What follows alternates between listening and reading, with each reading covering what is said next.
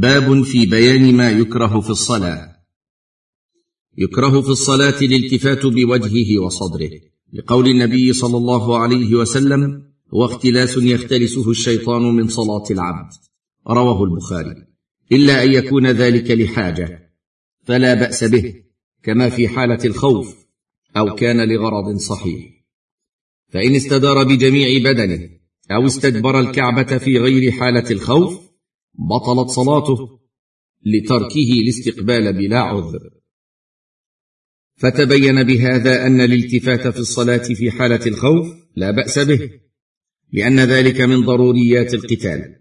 وإن كان في غير حالة الخوف فإنه مكروه. وإن كان بجميع بدنه بطلت صلاته.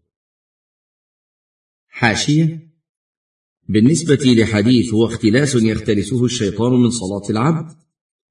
فقد رواه البخاري برقم واحد وخمسين وسبعمائة. انتهى. ويكره في الصلاة رفع بصره إلى السماء. فقد أنكر النبي صلى الله عليه وسلم على من يفعل ذلك فقال ما بال أقوام يرفعون أبصارهم إلى السماء في صلاتهم. فاشتد قوله في ذلك حتى قال لينتهن عن ذلك. أو لتخطفن أبصارهم. رواه البخاري. حاشية برقم خمسين وسبعمائة. انتهى. الصفحة الحادية والسبعون.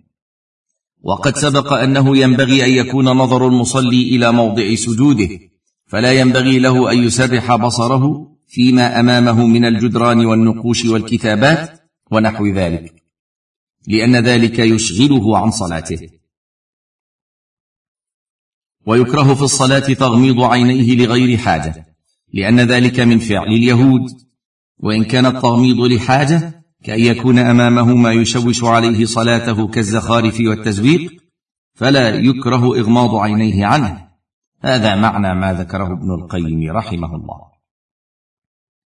ويكره في الصلاة إقعاؤه في الجلوس وهو أن يفرش قدميه ويجلس على عقبيه. لقوله صلى الله عليه وسلم إذا رفعت رأسك من السجود فلا تقعي كما يقعي الكلب. رواه ابن ماجه. وما جاء بمعناه من الأحاديث. حاشية. رواه ابن ماجه برقم ستة وتسعين وثمانمائة انتهى. ويكره في الصلاة أن يستند إلى جدار ونحوه حال القيام إلا من حاجة لأنه يزيل مشقة القيام فإن فعله لحاجة كمرض ونحوه فلا بأس.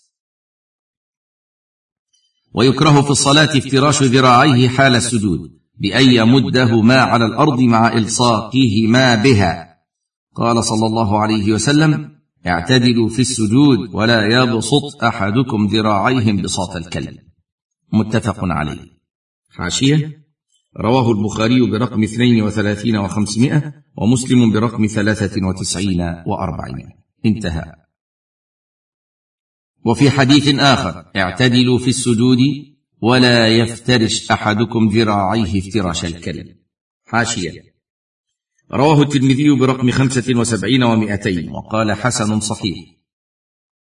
وابن ماجه برقم واحد وتسعين وثمانمائة عن جابر. وأبو داود برقم سبعة وتسعين وثمانمائة. والنسائي برقم تسعين وستمائة. وأحمد في الجزء الثاني برقم خمسة وثلاثمائة. من حديث أنس. وهذا أصله الحديث السابق المتفق عليه. وأبو داود برقم واحد وتسعمائة. وابن خزيمة برقم ثلاثة وخمسين وستمائة. وابن حبان برقم سبعة عشر وتسعمائة. من حديث أبي هريرة. وهي صحيحة. انتهى.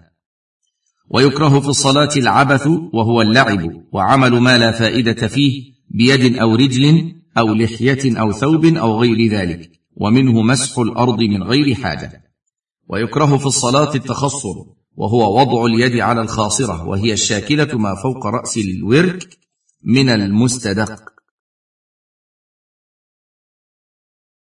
وذلك لأن التخصر فعل الكفار والمتكبرين وقد نهينا عن التشبه بهم. وقد ثبت في الحديث المتفق عليه النهي عن أن يصلي الرجل متخصرا. حاشية.